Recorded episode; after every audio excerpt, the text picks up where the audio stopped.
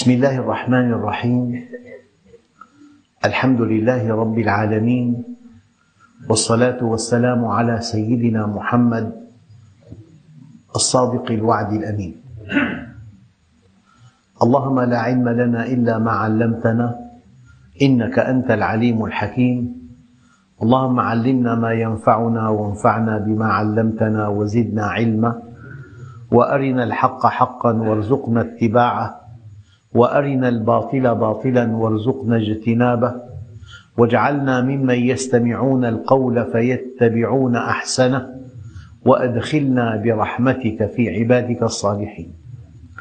أيها الإخوة الكرام مع الدرس الثامن والثلاثين من دروس سورة التوبة ومع الآية الواحدة والخمسين وهي قوله تعالى أعوذ بالله من الشيطان الرجيم.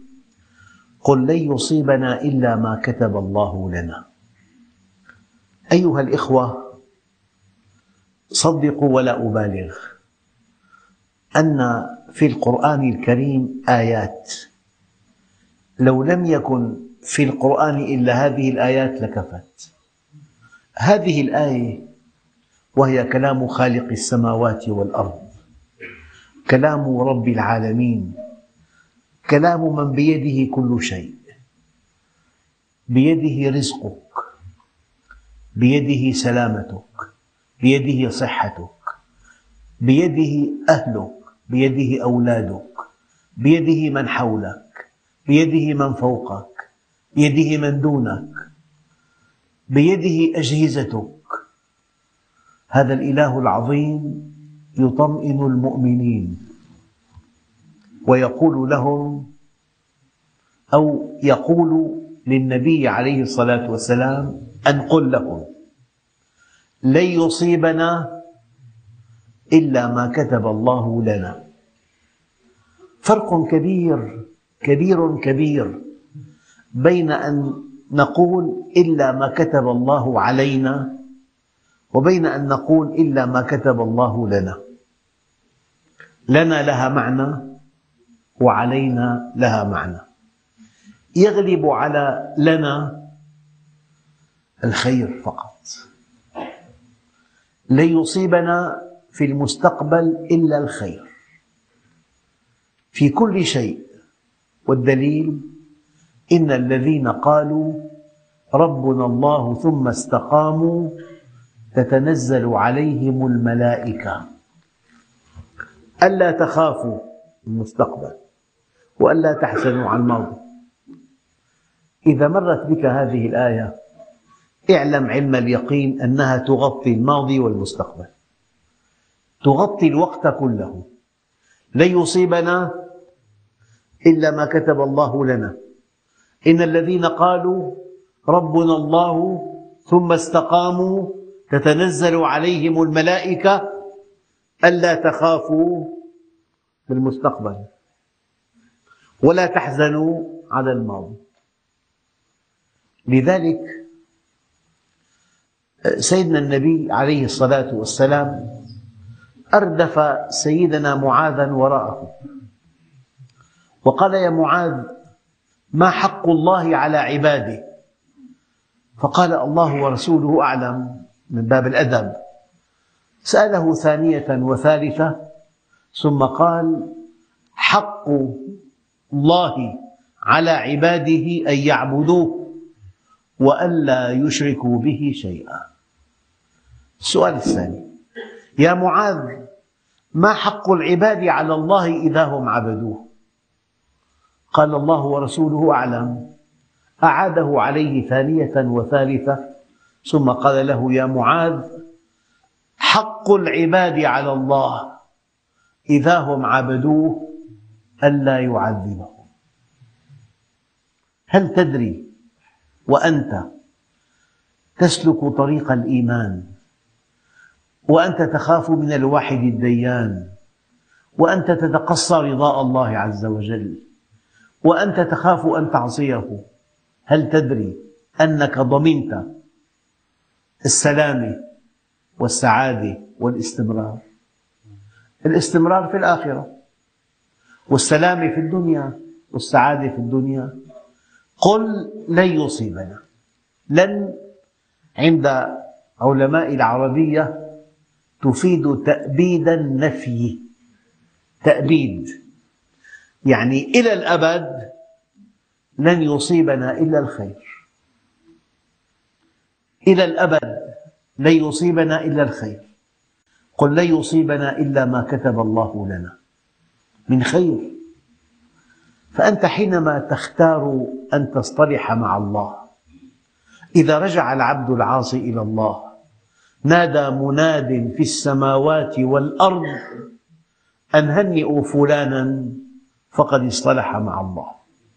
والله أيها الإخوة لا أرى أن كلمة هنيئا تصح إلا إذا عرفت الله إلا إذا أطعته إلا إذا ابتغيت رضوانه. أيها الإخوة هذه الآية من الآيات التي تملأ قلب المؤمن أمنا وطمأنينة وتملأ قلب المؤمن ثقة بالله عز وجل وثقة بالمستقبل. لن يصيبنا إلا ما كتب الله لنا. إليكم بعض الآيات الداعمة. أفمن كان مؤمنا؟ كمن كان فاسقا؟ لا يستوون. أفنجعل المسلمين كالمجرمين؟ ما لكم؟ كيف تحكمون؟ أفمن وعدناه وعدا حسنا فهو لاقيه؟ كمن متعناه متاع الحياة الدنيا؟ ثم هو يوم القيامة من المحضرين. أيها الإخوة أنا لا أتمنى أن مؤمن مستقيم يسعى لمرضاة الله حريص على طاعته يخشى أن يعصيه. يتقرب إليه أن هذا المؤمن يأتي إلى قلبه خوف. من أدق خصائص الإيمان نعمة الأمن والآية فأي الفريقين أحق بالأمن؟ إن كنتم تعلمون الذين آمنوا ولم يلبسوا إيمانهم بظلم أولئك لهم الأمن وهم مهتدون. هل تصدقون أن الله سبحانه وتعالى أنشأ لك حقا عليه. أن الله سبحانه وتعالى أنشأ لك حقا عليه. والله مرة في كتاب الجامع الصغير كتاب أحاديث إلا أن هذا الكتاب رتب ترتيب هجائي. فمثلا حق الأخ على أخيه. حق الزوج على زوجته حق الزوجة على زوجها حق المسلم على المسلم كلمة حق مع بعضهم كله. على أول كلمة بالحديث وعلى الأبجدية يعني الحاء بعد القاف. في حديث واحد تقرأه يقشعر جلدك. هذا الحديث خاص بالشباب. حق المسلم على الله. أن يعينه إذا طلب العفاف. يعني شاب في ريعان الشباب. وشهوته في أوجها. ويخاف من الله. ضبط نفسه. غض بصره عن محاسن النساء. والنساء مبذولات في الطريق. يعني كل ما عند المرأة من مفاتن ظاهرة في الطريق ظاهرة. فإذا غض بصره وابتغى رضوان الله عز وجل له مكافأة كبيرة. ما هذه المكافأة؟ المكافأة من جنس العمل. هو غض بصره عن امرأة لا تحل له. أنا أرى ولا أتألى على الله أن حق هذا الشاب على الله. أن يرزقه امرأة تسره إن نظر إليها وتحفظه إذا غاب عنها وتطيعه إن أمرها. وما ترك عبد شيئا لله إلا عوضه الله خيرا منه في دينه ودنياه. فتعليقي قل لا يصيبنا إلا ما كتب الله لنا. أنت مع من؟ مع جهة بشرية بكل لك قريب بأعلى منصب. تطلب منه شيء بيعتذر هي فوق صلاحياتي. أو يعدك ثم يخلف. ما تمكنت. أنت مع من؟ أنت مع الله؟ مع خالق الكون؟ مع من بيده كل شيء؟ مع الذي إذا أراد شيئا أن يقول له كن فيكون. أنت معه. لذلك قالوا المعية معيتان معية عامة ومعية خاصة. المعية العامة وهو معكم أينما كنتم. وهو معكم أينما كنتم. هذه معية عامة.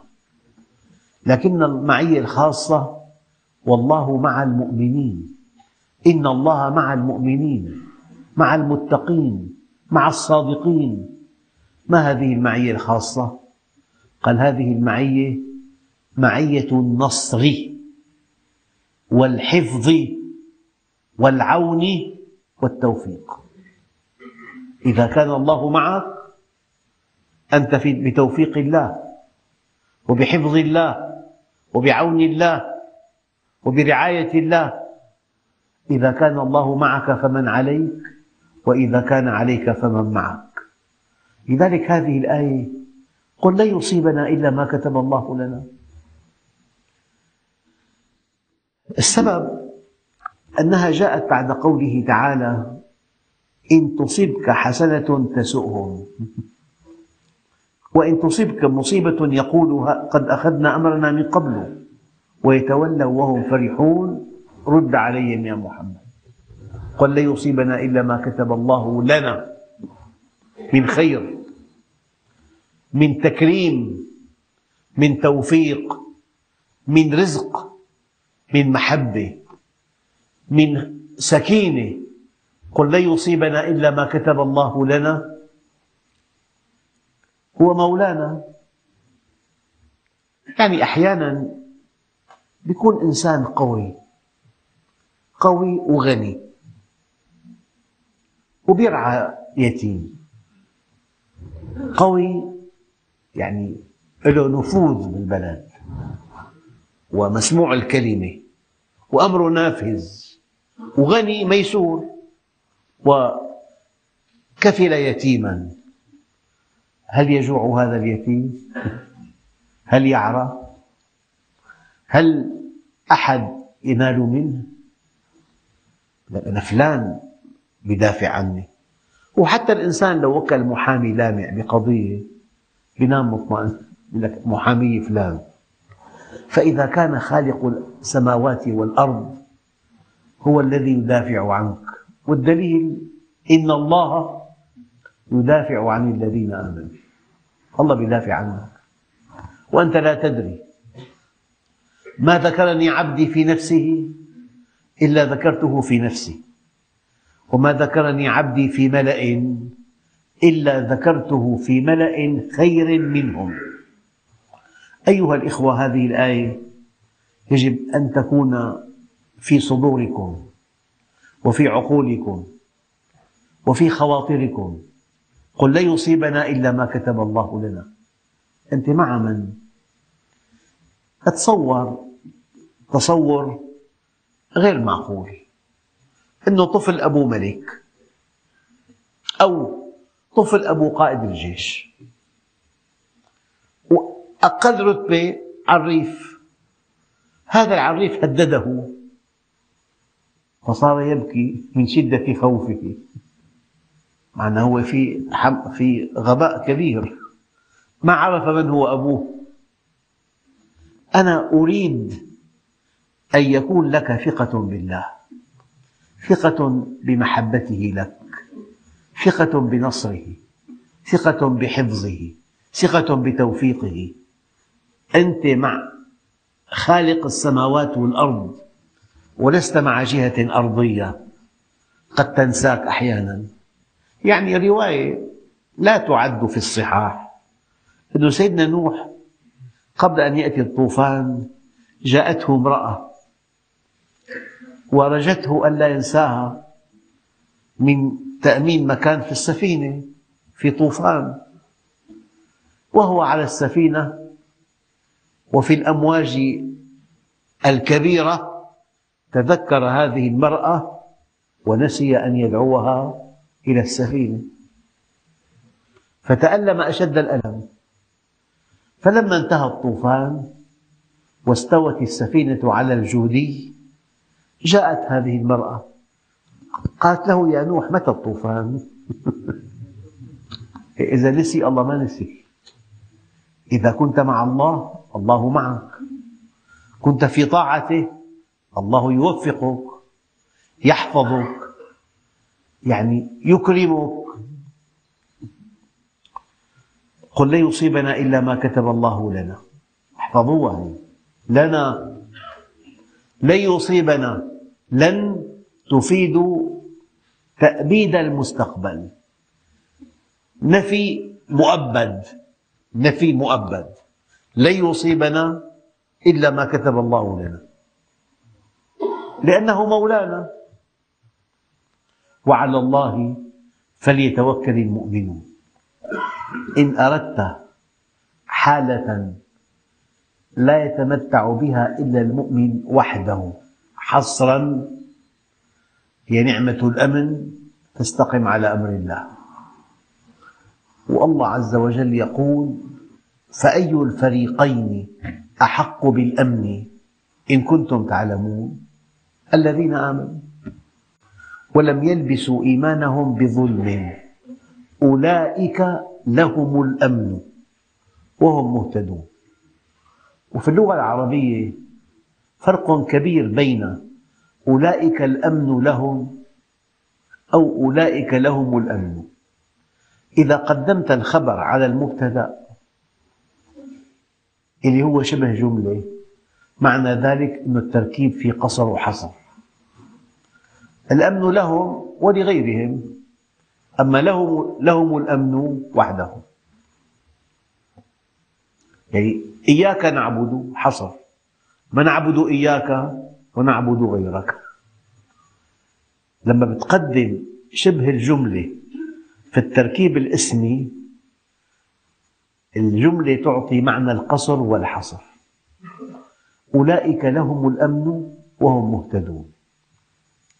قل لن يصيبنا إلا ما كتب الله لنا هو مولانا وعلى الله فليتوكل المؤمنون.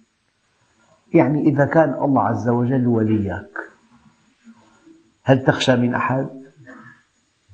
هل تخاف من أحد؟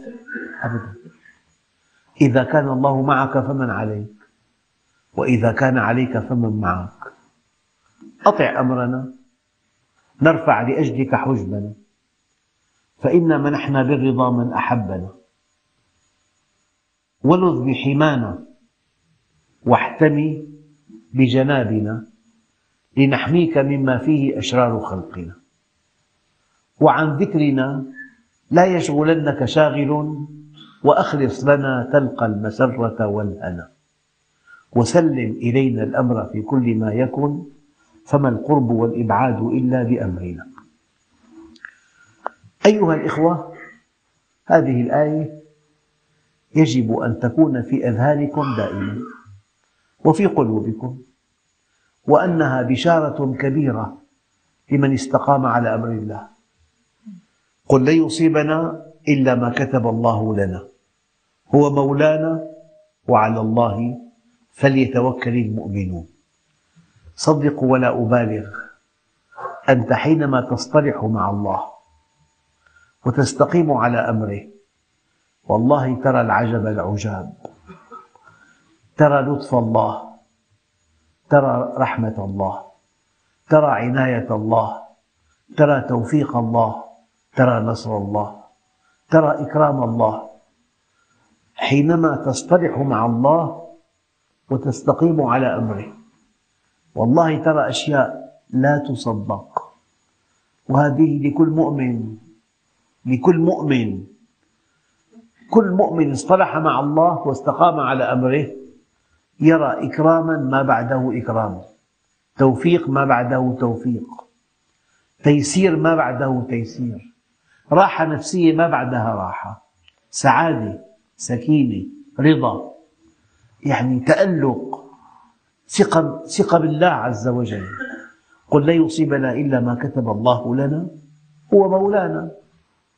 الله ولي الذين آمنوا. يخرجهم من الظلمات إلى النور. الله ولي الذين آمنوا. يخرجهم من الظلمات إلى النور.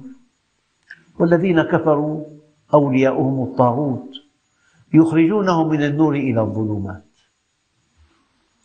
يعني ذا التقريب. أحيانا يكون الأب قوي وغني أخلاقي ودين وعنده ابن هذا الابن لا يمكن أن ينبس ببنت شفا. بكلمة بذيئة. تربيته عالية كثير. ومجتهد وأنيق. أحيانا يكون الابن انعكاس لوالده. فإذا الله عز وجل ولي الذين آمنوا هو وليك. وليك بشؤونك ببيتك بأسرتك بمن حولك بعملك باختصاصك بصحتك. الله ولي الذين آمنوا. يخرجهم من الظلمات إلى النور. قل لا يصيبنا إلا ما كتب الله لنا هو مولانا وعلى الله فليتوكل المؤمنون. لكن التوكل يحتاج إلى شيئين إلى استقامة وإلى أخذ بالأسباب. يعني من ادعى أنه توكل على الله ولم يأخذ بالأسباب هذا التوكل مرفوض.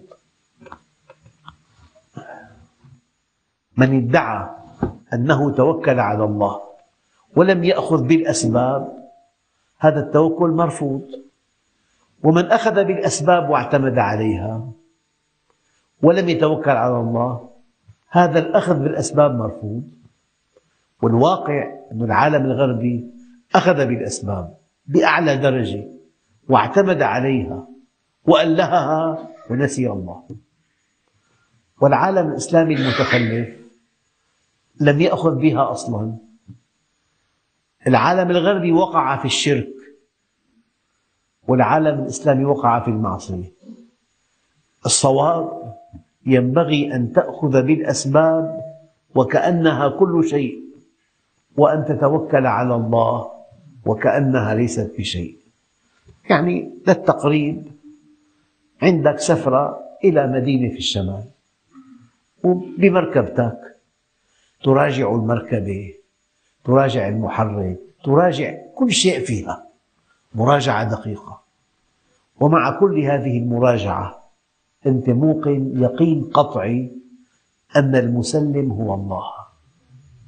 لذلك أخذت بالأسباب راجعت المركبة ثم توكلت على الله. لو أنك توكلت ولم ولم تأخذ بالأسباب هذا التوكل مرفوض. سيدنا عمر رأى أناس في الحج يتكففون الناس. قال من أنتم؟ قال نحن المتوكلون. قال كذبتم.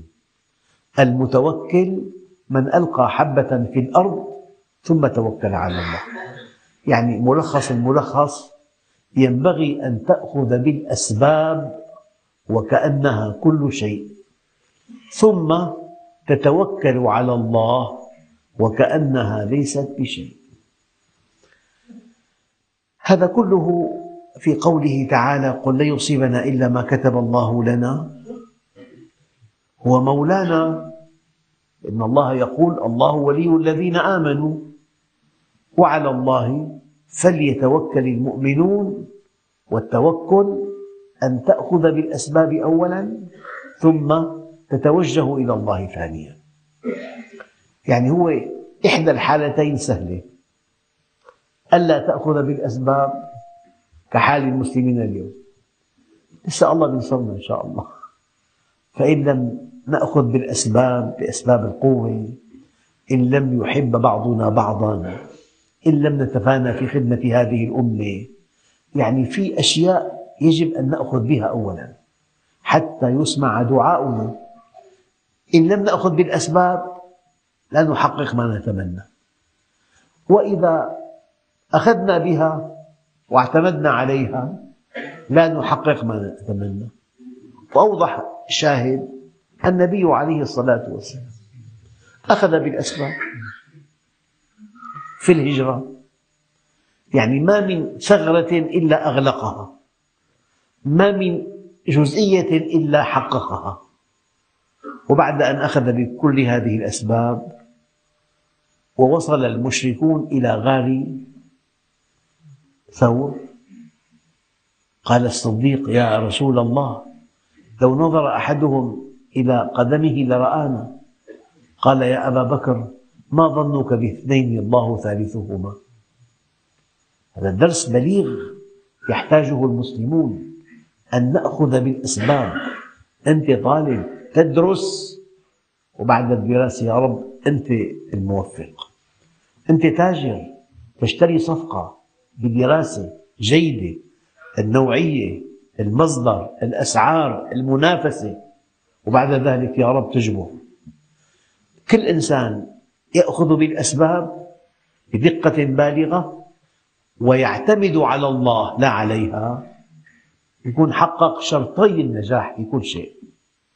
هذا كلام لكل أخ موجود للطالب للتاجر للموظف للمسارع خذ الأسباب ثم توكل على رب الأرباب. قل لن يصيبنا إلا ما كتب الله لنا هو مولانا. يعني قليل يكون الله عز وجل شيء قليل أن يكون الله مولاك يدافع عنك يحميك يوفقك ينصرك.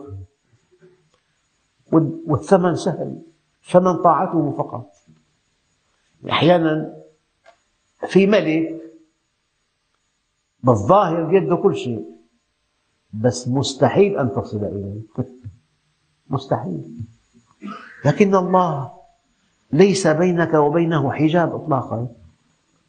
يا رب يقول لك يا عبدي يا رب تبت إليك عبدي وأنا قد قبلت. الصلحة بلمحة والأمر بيدك. لذلك الآية الأولى قل لن يصيبنا إلا ما كتب الله لنا هو مولانا وعلى الله فليتوكل المؤمنون. إذا يجب أن نفرق بين التوكل والتواكل. التوكل أن تأخذ بالأسباب وكأنها كل شيء ثم تتوكل على الله وكأنها ليست بشيء. أما التواكل إما أن تأخذ بالأسباب ثم تعتمد عليها أو ألا تأخذ بالأسباب وتتوهم أنك تعتمد على الله. وكلا الطريقين خاطئ. وعلى الله فليتوكل المؤمنون. قل هل تربصون بنا إلا إحدى الحسنيين؟ يعني ماذا ينتظر المؤمنين؟ إما استشهاد في سبيل الله والشهيد إلى الجنة. أو انتصار. الاستشهاد حسنى والانتصار حسنى. قل هل تربصون بنا إلا إحدى الحسنيين؟ شيء رائع جدا. ونحن والفضل لله عز وجل أنت تعيش. لو المؤمن يعني لا سمح الله أصابه مرض عضال أنهى حياته. لوين رايح؟ للجنة. فلئن متم أو قتلتم لإلى الله تحشرون. يعني إذا ألقينا القبض على إنسان وسقناه إلى أمه. الأم كلها رحمة. سقناه إلى أمه. أيها الإخوة يجب أن تثق بالله. وإذا كنت في طاعته يجب أن تثق بنصر الله. يجب أن تثق بتوفيق الله. يجب أن تثق بهذا النص الدقيق جدا. سيدنا سعد بن أبي وقاص رضي الله عنه هو في الحقيقة خال رسول الله. وما كان النبي يلاعب أحدا إلا خاله. إذا دخل سعد يقول هذا خالي. أروني خالا مثل خالي. وما فد النبي أحدا من أصحابه إلا سعد بن أبي وقاص. قال له ارمي سعد فداك أبي وأمي.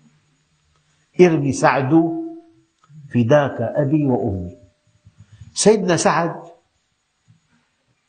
لما توفي النبي عليه الصلاة والسلام لسيدنا عمر كلمة رائعة جدا. قال له يا سعد لا يغرنك أنه قد قيل خال رسول الله. فالخلق كلهم عند الله سواسية. ليس بينه وبينهم قرابة إلا طاعتهم له. لذلك إن أكرمكم عند الله أتقاكم. يعني للتقريب نحن أمة عربية. أبو لهب أحد صناديد قريش وعربي قح ومن أرومة عربية وأصيل تبت يدا أبي لهب وتب. هل نفعته عروبته؟ سلمان الفارسي ليس عربيا. من بلاد فارس صهيب رومي من بلاد الروم. نعم العبد صهيب. هذا الدين. سيدنا الصديق رأى بلال يعذب بلال حبشي يعذبه سيده صفوان بن أمية فاشتراه منه بمئة دينار. بعد أن اشتراه منه أراد أن يهينه لبلالا. صفوان أراد أن يهين بلالا. قال له والله لو دفعت به درهما لبعتكه. ما بدها 100 درهم ما بدها 100 دينار بيعك يا بدرهم ما له قيمة عندي لأنه قام رد عليه سيدنا الصديق قال له والله لو طلبت به مئة ألف لأعطيتك. لو طلبت به مئة ألف لأعطيتك. الشاهد بعد ما اشتراه وأطلقه لوجه الله وضع الصديق يده تحت إبط بلال. وقال هذا أخي حقا. وما ذكر الصحابة الصديق إلا ذكروا معه بلالا. يقولون هو سيدنا وأعتق سيدنا. سيد الصحابة هو سيدنا وأعتق سيدنا. هذا الدين. تفرقة ما في إن أكرمكم عند الله أتقاكم. إن أكرمكم عند الله أتقاكم. لذلك الأمة حينما تعتمد مقياسين العلم والعمل ترقى. إذا اعتمدت مقاييس انتمائية لا ترقى. في مقياس موضوعي العلم والعمل. يعني أنت مدير دائرة وفي وظيفة حساسة جدا وفي إنسان كفء لها ويحمل أعلى شهادة. هذا الإنسان كفء؟ بحقق نتائج كبيرة جدا تنفع الأمة. لك قريب شبه جاهل. عينته بهذا المنصب مكان الخبير. ليس كفءا. أنت ماذا فعلت؟ أنت اعتمدت مقياس انتمائي على مقياس موضوعي. واضح. اعتمدت مقياس انتمائي على مقياس موضوعي. لذلك مثل هذا المجتمع لا يتماسك ولا يرقى. أية أمة تعتمد مقياس موضوعي موضوعي. لا انتمائي ترقى. أية أمة تعتمد مقياس انتمائي لا موضوعي لا تبقى لذلك اشتراه وضع يده تحت إبطه وقال هذا أخي حقا. المقياس يعني في بعض الروايات أن أبو سفيان أراد أن يدخل على عمر بن الخطاب. يبدو أنه في عنده أعمال كثيرة جدا وقف ببابه مدة طويلة. وأبو سفيان زعيم قريش يعني من ألمع الأسماء. لما دخل عليه عاتبه قال له زعيم قريش يقف في بابك طويلا وصهيب وبلال يدخلان ويخرجان بلا استئذان. قال له أنت مثلهما؟ في فرق كبير جدا.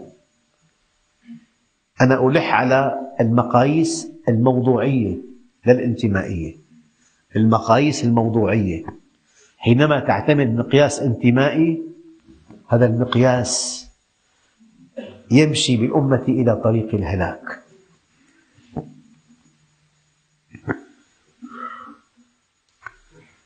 نعم. قل هل تربصون بنا إلا إحدى الحسنيين؟ يعني أنت أيها المؤمن ماذا ينتظرك؟ توفيق الله في الدنيا صحة طيبة إن شاء الله زوجة صالحة أولاد أبرار مكانة اجتماعية سمعة طيبة. طيب مات للجنة شو في إلا إنسان مات مؤمن مات مستقيم مات تائب مات مصطلح مع الله. إن عاش عاش سعيد وإن مات مات حميد. قل هل تربصون بنا إلا إحدى الحسنيين؟